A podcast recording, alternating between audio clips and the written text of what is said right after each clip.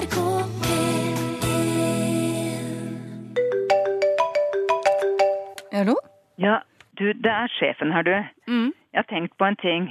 Det er jo så utrolig mye mellom himmel og jord. Ja. Det Er det egentlig plass til alt det i én time? Nei, det er jo egentlig ikke det. Nei? Skal vi prøve med to, eller? Fra i dag. Ja, fra i dag. Kjør på! Mellom himmel og jord starter sesongen med tuba og ukulele. Såpass må det jo være når vi skal markere at vi fra i dag av øker på til dobbel dose. For sendetida vår nå er fra ni til elleve på søndager. Det var Espen Lind som åpna forestillinga i dag. Margrethe Nåvik heter jeg. Riktig god søndag formiddag. Tenk deg en trang fjord med ei diger, løs steinblokk oppi fjellsida. Alt ok der oppe? Det er bare noen sensorer som oppfører seg litt merkelig. En dag så detter denne blokka ut i vannet, og ja, da sier det seg sjøl. Vannet slår innover land som en svær bølge. Vi snakker om en 80 meter høy bølge her. Etter ti minutter så finnes det ikke Geiranger lenger. Det her er lyd fra filmen Bølgen, som kommer på kino til uka. Katastrofen skjer i Geiranger. Og det her eh, med å gå og vente på katastrofen, det skal vi snakke litt om her hos oss i dag. Alf Kjetil Valgermo, det er deg vi skal snakke med. Vel møtt. Takk for det. Du har vokst opp på Sjøholt ved Storfjorden, som er i forlengelsen av Geirangerfjorden. Da. Og eh, hvis det her skjer på ordentlig, så kan denne bølgen ta barndomshjemmet ditt, rett og slett. Ja. Ja, og så har du vært akkurat nå på filmfestival i Haugesund denne uka her, som Ja. anmelder for Vårt Land. Det har jeg. Og, og har sett den der filmen Bølgen, så du er på en måte dobbeltkvalifisert da, til å snakke om det her mellom himmel og jord i dag. Hva, hva syns du om filmen? Det var en spennende film. Eh, Det er jo Norges første katastrofefilm. Ja. Og eh, jeg syns at eh, eh, skuespillet er veldig godt. Kristoffer Joner passer veldig godt i denne rollen som litt sånn smånervøs skredforsker. Og innenfor en sjangerfilmsetting som dette her er, så syns de at eh, Bølgen står seg godt. Men altså, nå er vi jo veldig glad i de store spørsmålene her, da, mellom himmel og jord. Fins det noe sånne? Ja, det er jo altså Mennesket og naturkreftene, det er, jo, det er jo et ganske stort og eksistensielt spørsmål i seg sjøl. Dette her er jo en sjangerfilm som ikke som ikke liksom eh, har som sitt primære utgangspunkt å, å stille alle de store spørsmåla, men det dukker opp en del store spørsmål underveis. Eh, og én ting er jo blant annet i det katastrofen nærmer seg, skal en handle egoistisk, eller skal en hjelpe andre? Det er et veldig stort spørsmål. Blir du Eh, sittende og lure på liksom, hvilken rolle du hadde kommet til å ha tatt? En, det, en tenker i hvert fall på det i ettertid. altså Hvis en da ser bølger komme rasende liksom 80 meter høy innover fjorden, og en springer for livet for å komme i sikkerhet, og så er det da plutselig noen som springer ved siden av deg, som setter seg fast ikke sant, og, og blir stående. Hva gjør en da? Springer en for livet for å berge seg sjøl, eller snur en og prøver å redde også, også den som satte seg fast? Hva landa du på når du satt og tenkte på det her? Hva ville du gjort? Nei, Jeg håper jo selvsagt at jeg hadde prøvd å, å berge den som satte seg fast, og, og kommet oss begge i sikkerhet. Men det er ikke sikkert at det er så lett heller. Jeg, altså, En vet aldri helt hvordan en reagerer i en sånn krisesituasjon. Men tenk å se en katastrofe utspille seg på et sted du kjenner så godt. På film. Alf Kjetil han er forfatter og har sjøl ei skrivestue ved fjorden her. Hvordan er det? Ligger det ei uro der mens han jobber? Tør han å sette telefonen på lydløs? Tenk om han går glipp av et katastrofevarsel? Jeg har jo tenkt tanken når jeg sitter nede på, på naustet og skriver. Hvis raset skulle gå plutselig, så har jo vi tolv minutter på å komme oss unna der jeg har vokst opp. Og, eh, og sånn jo, hvis det skulle skje, da, vil en eventuell varsling fungere optimalt. Altså Visstnok så skal alle som er i katastrofeområdet, da, få oppringing på telefon. Da gjelder det å ikke ha den på lydløs, da. Men når du sitter som forfatter og skal skrive, da, så er det jo ganske viktig å skru av den telefonen. Så det spørs om det vil hjelpe meg så veldig. Du må velge. Vil du ha gode bøker, eller vil du berge livet? Ja, ikke sant? Ofre alt for litteraturen. Ja, sant. Eh, Jeg tenker på vi andre da, som ikke bor der, som har lyst til å gå og se den filmen her. Mm.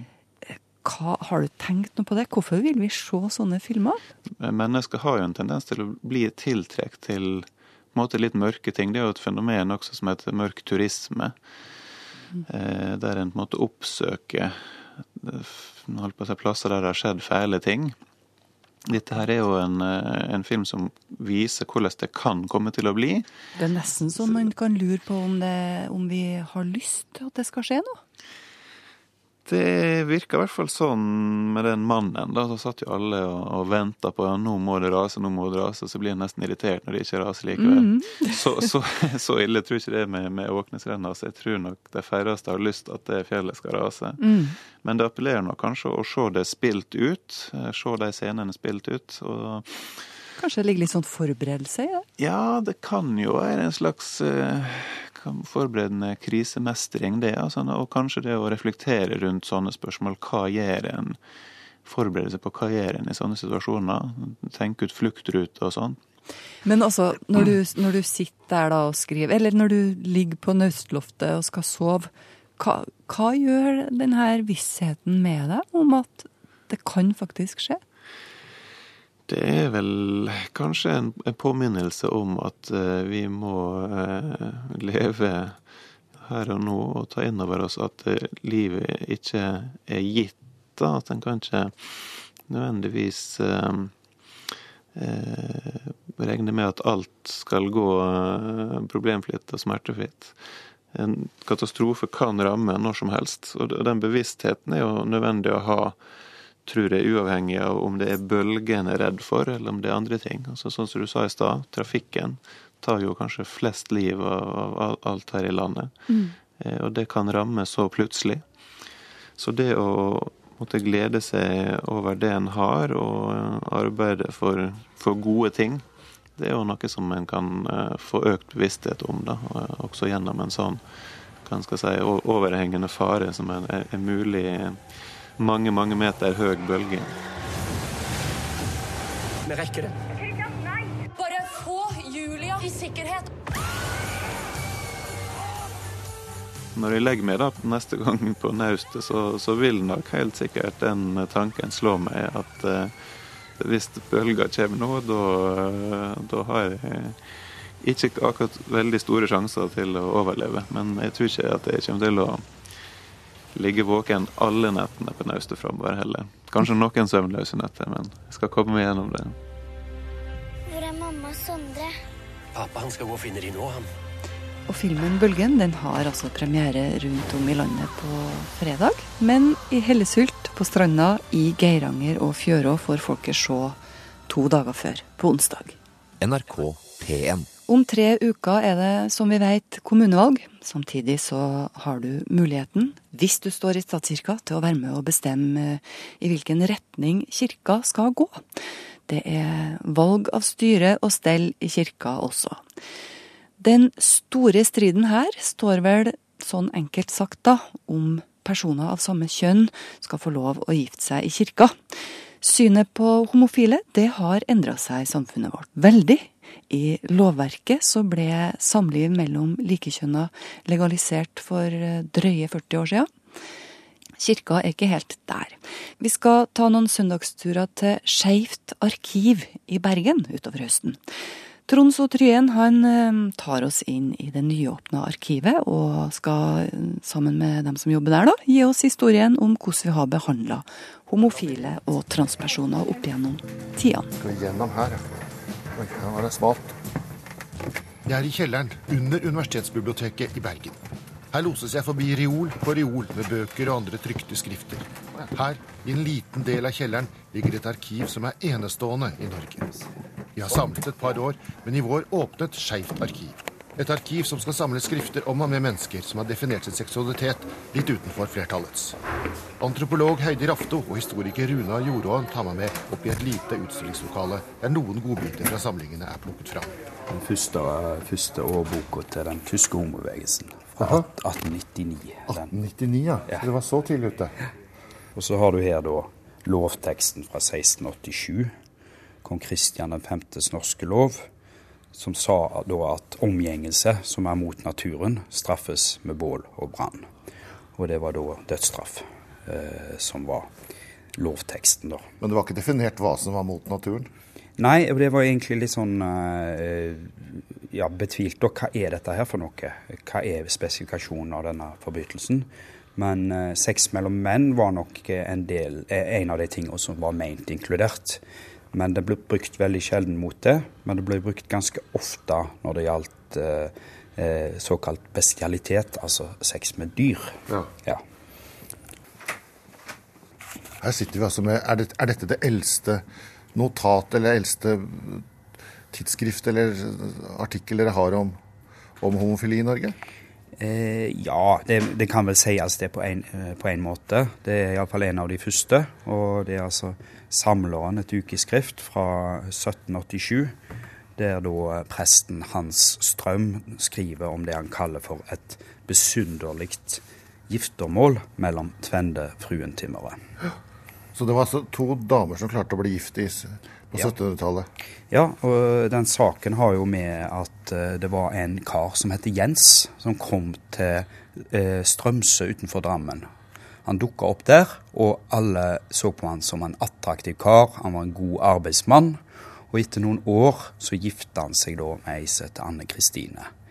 Eh, men så begynte det å bli litt turbulent, dette ekteskapet. Og denne Anne Kristine da gikk til presten og avslørte at det var noe rart med denne Jens.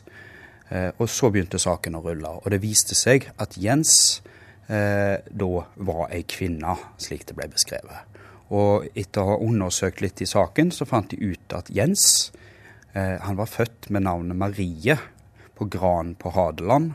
Og, eh, men hadde dratt fra bygda som ung, og da han da kom til Strømsø, så hadde han altså eh, framstått som mann, og alle hadde tatt dette for god fisk.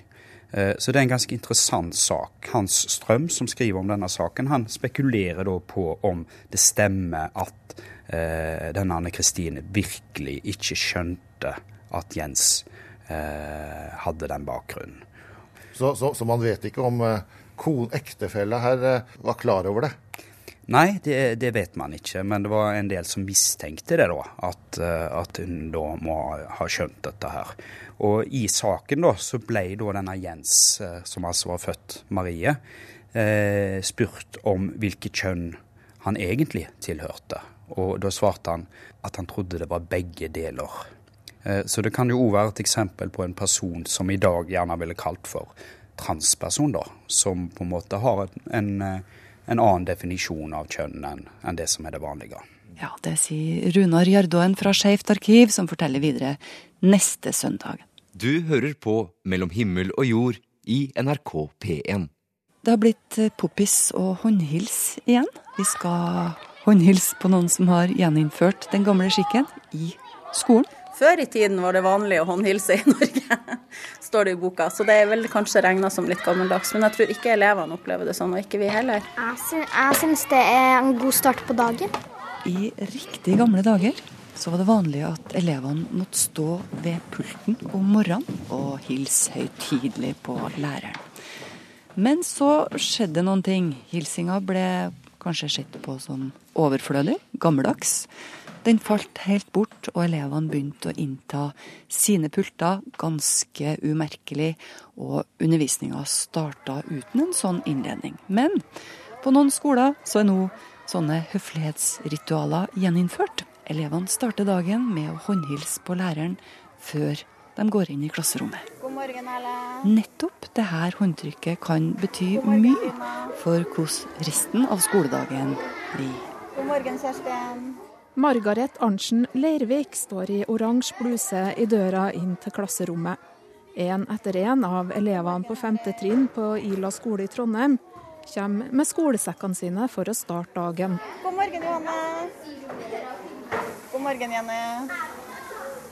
God morgen, Benjamin. Hvor er formen din bedre i dag? Bra. Syns du må stå her og, og vente på elevene? Veldig koselig. Og det er ikke bare læreren som syns det er koselig å håndhilse. Når de går videre inn i klasserommet og tar frem lesebøkene, er det med en god følelse i seg, skal vi tro Johanne, Jenny, Ruben, Kristoffer og Fredrik. Jeg syns det er en god start på dagen. Det er veldig deilig pga. at man føler seg velkommen, og ikke bare helt sånn at man bare kommer dit for å være der. Det er ingen som på en måte blir utestengt. Man føler at læreren er like hyggelig og liker alle like mye. Det er veldig koselig. Da blir ingen utestengt, liksom. Hvis man har en dårlig dag, liksom, så føler du at du òg kan være der. Bruker å fortelle om det da, hvis du har en dårlig dag når du kommer? Ja, noen ganger. Det blir litt mer eh, at alle sammen liker å være her på skolen, da, for det er viktig. God morgen, Martin. God morgen, Aksel. Lærer Margaret har stått i døra i omtrent fem minutter, og de fleste har funnet frem bøkene sine. Hun får tårer i øynene av å høre hva elevene syns om å møte henne på denne måten hver morgen. Nei, Jeg blir litt rørt, for dette er jo ikke noe vi har snakka noe mye om. Sant? Det er jo noe vi gjør, og vi lærerne vet jo hvorfor vi gjør det. Men jeg har, jeg har aldri spurt dere hvordan dere opplever det. Så det var litt artig å høre hva dere tenker nå. For det er jo akkurat det vi tenker òg, at vi vil ta imot alle sammen på samme måte. Og vi vil sikre at alle får eh, øyekontakt med læreren minst én gang om dagen. At alle føler seg velkommen på skolen. Så det er jo kjempefint at dere faktisk opplever det sånn som vi ønsker at dere skal oppleve det. Hvilke signaler gir det til elevene? Det handler jo mye om respekt. Om å vise hverandre respekt, Hils på en ordentlig måte. Og så viser vi jo også at eh, alle er like viktige, og at ungene betyr noe for oss. Så det sier jo eh, en del om elevsynet vårt, og jeg tror ungene opplever at de blir tatt på alvor når de blir møtt på en ordentlig måte hver morgen. Veldig godt jobba med brevet, Kristoffer. Inne i klasserommet er det stille. Det er også en effekt av håndhilsinga, for møtet med læreren gjør at barna blir roligere. Johanne forklarer det her sånn. Ja, hvis man bare går rett inn, så tenker man ikke over å bli rolig. Men hvis man hilser på noen og tar noen i hånda og ser at de smiler til dem, så føler man seg mye roligere. Det er liksom hyggelig, og når du blir gjort noe hyggelig mot, så føler du deg litt roligere, kanskje. Det er fem år siden Ila skole i Trondheim starta med å ta imot elevene med et håndtrykk om morgenen. Siden har det spredd seg til mange av skolene i kommunen. Rektor Trude Mathisen forteller at det å håndhilse i døra om morgenen er viktig for å bygge relasjonen mellom lærer og elev. Det som er viktig med relasjon, det er jo det at vi vet at det har effekt på læringa til ungene. Forskning sier det. Forskning sier at uh, gode læringsmiljø påvirker læringsresultatene til uh, elevene. Det her er bra på flere områder. ja, det er jo det. det er jo, vi vet jo det at unger som er trygge, har større eh, forutsetning for å lykkes. Hvis du bruker mye kapasitet til bare å og um, være til stede, eh, takle omgivelsene, eh, være generelt utrygg, så blir ikke kapasiteten til å lære eh, større. Det myldrer av barn i skolegården på Ila skole. På asfalten mellom høye bygg i murstein skinner sola på barna som alle har blitt møtt på samme måte av lærerne sine om morgenen. De nesten 400 elevene vet at de har sjansen til å fortelle hvordan de har det med en gang de kommer på skolen. Og det er Johanne og Kristoffer på femte trinn glad for.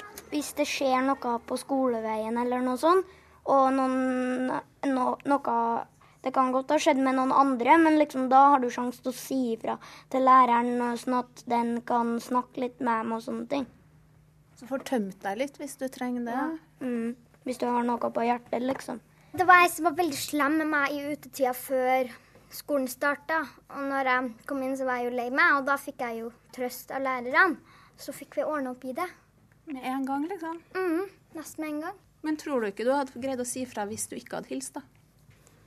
Kanskje ikke. Jeg tror kanskje ikke det hadde vært Kanskje at jeg ikke hadde sagt det med en gang, liksom. Og at når læreren står i døra, så får du liksom sagt det med en gang.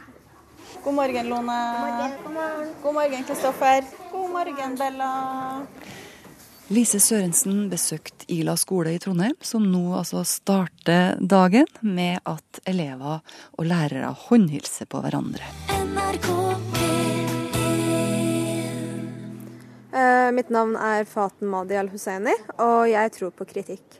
Jeg mener at vi som mennesker kan vokse av å bli kritisert og kritisere andre. Eh, man lærer veldig mye av seg selv og om andre, og det er faktisk en fin måte å ha dialog på. Så du liker rett og slett å bli kritisert sjøl òg? Ja, fordi jeg kan jo Jeg ser jo ikke noe feil ved meg selv, men det kan andre gjøre. Hva ting de ikke liker eller ting jeg gjør feil. Og når de kritiserer meg, så lærer jeg av det. Husker du en gang at du har fått kritikk som har gjort at du måtte ha tenkt nytt og annerledes? Jo, jeg har fått så mye kritikk at jeg nesten ikke husker så mye. Men uh, jeg har fått kritikk om uh, uh, at jeg kritiserer, til og med. Og det har faktisk bare gjort meg sterkere med å gidde å kritisere mer, faktisk. Mennesker som ikke har lyst til å vise deres sanne jeg, eller de som ikke vil bli kritisert. Eller da er man egentlig ikke sikker på seg selv hvis man ikke tør å bli kritisert.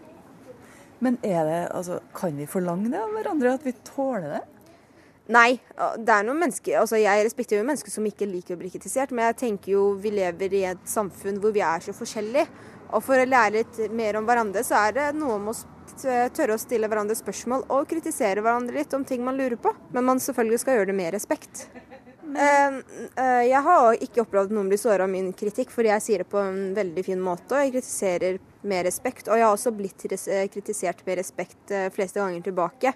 av de menneskene jeg bryr meg om som kritiserer meg, så blir jeg ikke såra. Men av useriøse mennesker som kritiserer deg til ting, så bare bryr jeg meg egentlig ikke. Så jeg svarer ikke i det hele tatt. Så det handler litt om at det må ligge en sånn trygghet der i utgangspunktet, da? Ja, ja. Altså kritiserer Hege Storhaug meg, så svarer jeg ikke. Men kritiseres jeg av en annen muslim eller en kristen eller en venninne av meg eller min bestevenn, så er det litt forskjellig. Da blir man ikke såra. Da liker man bare å svare på det for å fjerne disse fordommene man har. Men hva, hvis du skal si meg, Fortell meg hvordan du sier det. da. Du sier du sier det på en veldig fin måte. Hva kan du lære meg om det? Om å gi kritikk på en god måte? Altså, Man kan jo f.eks. Uh, si jeg uh, har et annet type syn på akkurat det der, f.eks. i kristendommen. Og hvorfor er det akkurat slik hos dere, og ikke sånn? Man kan ta det på den fine måten, da, enn ikke bare ja, dere er sånn og sånn, og det er ikke interessant for meg, for jeg tror på noe helt annet. Altså, Det handler jo om hvordan, hvilken måte du legger kritikken din på. Uh, for noen tolkes det jo fort som rasistisk, og for andre mener det sånn Det er jo veldig fint. Altså. Det må være en interesse, på en måte? da. Du må være interessert i å høre svaret? Ja, det er det. Ikke kritisere for å provosere, kritisere for å lære, tenker jeg. Hallo? Hallo, hallo. Velkommen til trappa. Her sitter Siri på trappa, vet du. Ja. Som Rufus. Ja. ja, nei, her skal jeg sitte, Rufus. Mm. Ha din plass. Ja, Siri. Ja, Siri Spillum. Ja, nå i høst i Mellom himmel og jord så skal det handle om å bryte mønstre, eller? Ja. Ja, Vi skal jo snakke litt om det å gå inn i mønsteret òg, da. Det skal vi. Og mønsteret det handler om vaner for dere som ikke er vant til å bruke eh, uttrykket mønstre. Mm. Altså at vi bryter dårlige vaner, egentlig. Ja. Du har skrevet bok om dette her. Mm, det har jeg. Og, og der har du liksom delt opp i litt forskjellige sånn karaktertrekk, skal vi si det? Ja. ja. Eh, Vi bryter jo um, mønstre på um, alle områder. Eller vi kan gjøre det. Mm. Og, og vi lager gode mønstre også på alle områder. Ja, For det er ikke bare dårlig? Nei, nei. Og de gode, vet du, de fine, de skal vi beholde. Mm. De har vi jo i parforholdet, vi har det i forhold til hverandre på andre vis, på jobben. Vi har det i forhold til hva vi gjør, og hva vi tenker, og i det hele tatt. Mm. Um, nei da, de skal ikke vi snakke om, vet du. Nei. de skal vi bare fortsette med. Ja, kanskje vi skal snakke litt om det nå? Bare... Ja, litt av og til. Kanskje litt. Men Ja. vi skal snakke mest om uh, skiten. Mm. Dem vi ikke vil ha. Ja. Mm.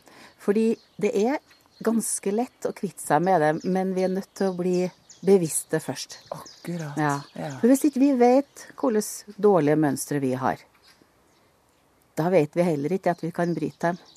Så, da, så vi er nødt til å kartlegge det først. Mm. Mm. Så, nå skal vi bare spille litt musikk, og så skal vi begynne på den første, det første karaktertrekket. Ja, som ja. er veldig kjent, egentlig. Ja, kan ikke vi starte med flink pike, da? Mm. Hun har vi snakka om. lenge nå, Mm. syns jeg. Men hun er like aktuell. Og så må jeg bare si, det gjelder ikke bare for damer. Nei. Dette er for oss alle. Vi har jo snakka om det, du og jeg, at vi kanskje skulle kalle det noe annet. Ja, vi gjorde det. Men det går ikke fordi det er så innarbeida, dette her. Ja, og da handler ikke det om å være, bare være flink, for det skal ikke jeg ta fra noen. For det er jo fantastisk. Mm. Ja. Vi kjenner oss litt igjen, gjør vi det? Veldig. Jeg hadde ikke kommet til å skrevet om flink pike hvis ikke jeg hadde kjent det så godt sjøl. Hvordan kjenner du det? Når kjenner du at du blir det, liksom? Ja, det kan jeg kjenne når jeg Særlig når jeg skal invitere til selskap. Det er ikke at jeg gjør det i, og hele tida, men, eh, men allikevel. Så er det er det ingen andre som får lov til å gå på butikken og kjøpe de serviettene. Tenk om de kjøper rosa servietter. Skrekk og gru. Skrekk og gru. Eller eh, ja, kan, eh, de kan få lov til å kjøpe inn eh, øl, og det står mel og sukker. Mm. Men resten, det er det nok jeg som gjør. Hvis de da spør meg du Siri, skal, kan jeg lage salaten, så får de i hvert fall ikke det, for det blir jo ikke fint nok. Det gjør jo ikke det. det. gjør ikke Nei, det. Sånn er det bare. Nei. Og da kjenner jeg at den flinke piken har tatt eh, over. Mm. For det her blir jo ikke noe ålreit. Da vil jeg ha kontroll. Og så blir det bare ditt prosjekt. Da. Mitt prosjekt, ja. Og da er det også litt sånn at um, da vil jeg også gjerne ha oppmerksomheten, sant. Gud, så fint du har gjort det, Siri! Det er sant. Jeg står formelig og venter på at det er noen som skal si det. Det er jo tøys. Så det handler jo litt da, hvis vi skal snakke om å bryte dette mønsteret, da, Mm. om å slippe til andre, eller? Ja, man må slippe til andre, det er jo én ting. Men man må også se litt på hva i all verden trenger du egentlig så mye oppmerksomhet? For det handler jo, bunner jo i det. Eh, nei, det gjør vi ikke. Vi gjorde det kanskje en gang når vi var små, men vi gjør ikke det som voksne. Vi trenger ikke den oppmerksomheten. Den kan vi slippe. Det kan vi tenke litt på. Mm. Og vi ser også ofte mm, flink pike som martyr. Ja, jeg kan ta det. Så tok jeg nå den, og så tar jeg nå den, og så tar jeg nå den, og jammen snur jeg meg, så tar jeg den også. Altså, ja, det er ikke måte på. Og så skaper du masse dårlig samvittighet rundt deg. Og du skaper egentlig mye utrygghet og lite ålreit stemning. Når du skal bryte det mønsteret, hvordan Mm. eh, griper du det an? Først så må du jo se at uh, Hallo, hva er det jeg holder på med? Hva, hva i all verden gjorde jeg her, f.eks. meg og mine fester, da? Og serviettene og salaten. serviettene, ja. Mm. Og at ikke de andre kom, eh, kom til. Og så satt jeg der kanskje og ikke fikk med meg festen, for jeg var så opptatt av å gjøre festen enda bedre istedenfor å delta, da. Er det litt sånn treningssak? Må Ja. du trene? Ja. Det er treningssak. Eh, Jeg anbefaler f.eks. dere som hører på nå, da, som kjenner igjen litt sånn flink pike i dere. Også menn, da. Ikke glem det. Eh, Om det er på jobb eller i ekteskapet eller i andre relasjoner hvor du kjenner igjen mønsteret. Dårlig vane. Når du gjør noe for å få oppmerksomhet istedenfor å gjøre noe som gleder deg, da begynner du å bevisstgjøre deg at du har, er kanskje innafor det mønsteret. Mm. Da blir det sånn som du snakka om før musikken her, Ja. da begynner du å se mønsteret, og da Mm. kan du bryte. Da kan du mm, tenke på hvordan du skal bryte. bryte ja. Mm. Mange mønstre er jo ikke så dype.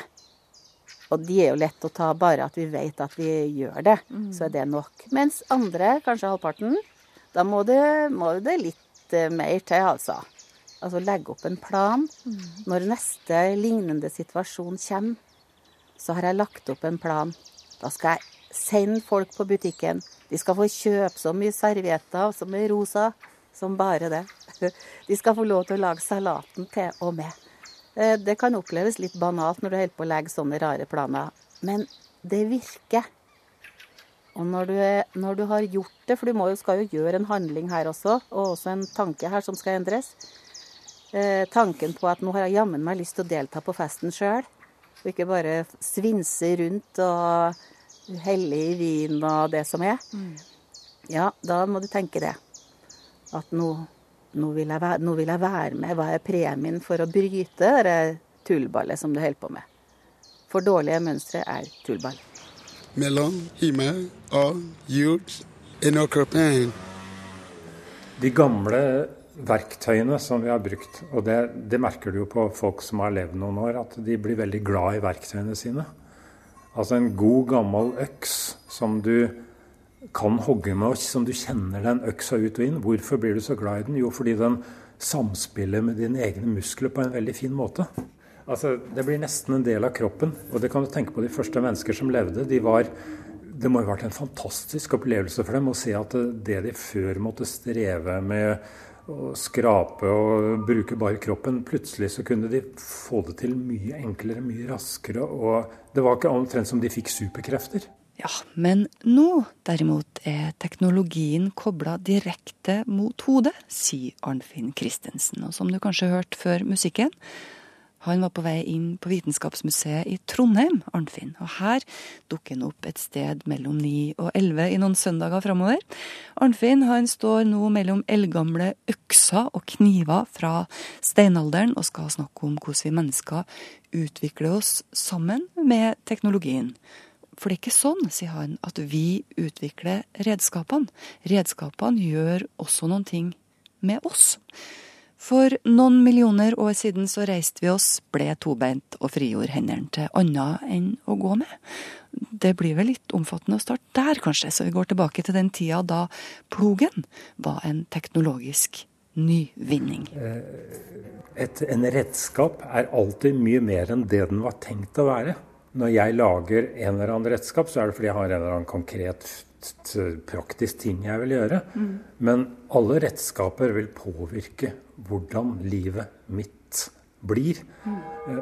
Og da menneskene laget plogen, så påvirket det måten de organiserte samfunnet sitt på. Etter hvert så oppsto de første bysamfunnene. Du fikk så mye landbruksvarer at du måtte ha kornkamre, du måtte ha eh, spesialiserte yrker, som, og du måtte ha eh, folk som kunne regne, som holdt rede på lagrene av korn osv. Så, sant? mm. så jeg kan nesten si det sånn at det, det er nesten verktøyene som former oss minst like mye som vi former verktøyene. Men hvordan tenker du at teknologien virker på oss i dag? Er det veldig annerledes? Det er litt annerledes, fordi helt fram til nå eh, så har teknologien vært noe du har kunnet se og skjønne og bruke i forhold til kroppen din. Altså jeg husker Da jeg var barn, så kjørte de jo damplokomotiv rundt på Vestbanen i Oslo, der hvor jeg bodde. Og når du ser et damplokomotiv, så ser du der er dampkjelen. Der går den varme dampen inn i stemplene. Der glinser det i olje. Der pruster det og kommer damp ut det var noe fysisk. Og kunne, hjemme så kunne jeg ta fra hverandre den gamle vekkerklokka, se hvordan tannhjulene tikket og gikk rundt. Men det som nå er i ferd med å skje, er at, at uh, teknologien blir uforståelig bare ut fra hvordan den er. Altså, Du kan ikke skjønne hvordan en datamaskin virker ved å ta fra hverandre datamaskin. Du kan skjønne de grove trekk kanskje ved å si at ok, her har vi harddisken, her har vi mikroprosessoren og sånn, men da må du allerede vite en hel masse. Jeg kunne skjønne hvordan klokka virket bare ved å se på den åpne den og se den, så kunne jeg se tannhjulene og fjæra og hele greia. Mm. Så, vi, så, teknologien er i ferd med å fjerne seg fra våre kropper. Hva med denne redselen for at teknologien skal styre livene våre? da? Den styrer for så vidt allerede livene våre i veldig stor grad. Du kan tenke alle de måtene du forholder deg til teknologi fra du står opp om morgenen til du går og legger deg om kvelden. Den første og virkelig store styrende mekanismen var da eh, klokka ble oppfunnet. Før den tida så var jo døgnet, altså timer, var noe mye mer fleksibelt. Eh, og døgnet var fra soloppgang til solnedgang. Så kom de mekaniske klokkene. Så begynte hele verden å synkronisere seg inn mot dem. Og det er faktisk noe som har vært så nødvendig at vi i dag har eh, atomklokker som teller ned til nærmeste nanosekund. Fordi enkelte av de apparatene vi har, f.eks. GPS-satellittene, de krever at vi har styr på tida så nøyaktig at vi er, vi er, fullstendig styrt av at disse klokkene virker riktig, og at vi bruker dem på riktig måte.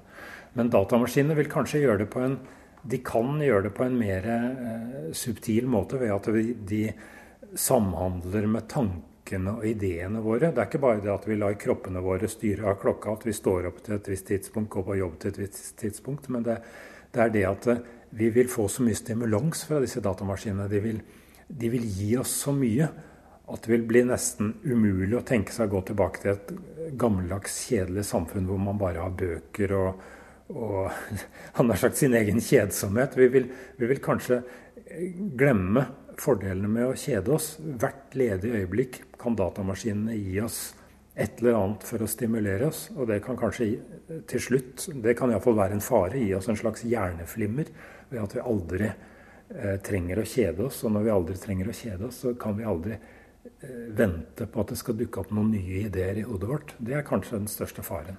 Mm. Du høres ikke så veldig skremt ut, men litt skremt, kanskje? Altså, det, det, er jo egentlig ikke noe nytt, dette her hele tida. For he, det å være menneske og leve, det er hele tiden å prøve å ta kontroll over sitt eget liv. Og hele tiden er det krefter som prøver å ta kontrollen fra meg. Bare det når jeg skal gå opp en bakke, så prøver tyngdekraften å ta kontrollen fra meg. Så må jeg spenne fram med beina. Verden presser oss i en retning, og vi presser tilbake. Vi står på været mot vinden. og Her i Trondheim blåser det ganske mye, så dere er sikkert vant til å stå, stå mot vinden. Altså, andre mennesker presser oss. De vil at vi skal gjøre noe annet enn det vi vil vi skal gjøre. Så, så det å, ta, å bli seg bevisst, selvbevisst på uh, hva vil egentlig jeg? Hva er det jeg vil hente ut av dette her? Det vil datamaskinene også i enda større grad tvinge oss til Eh, hvis vi skal klare å leve gode liv. Det, det har vi lyst til. ja, himmel og jord er slutt for i dag.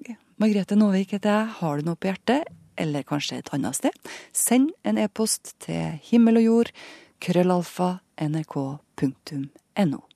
Og mer rekker vi ikke å få med oss denne gangen, dessverre. Eller skal vi si heldigvis. Takk for oss. Hør flere podkaster på nrk.no podkast.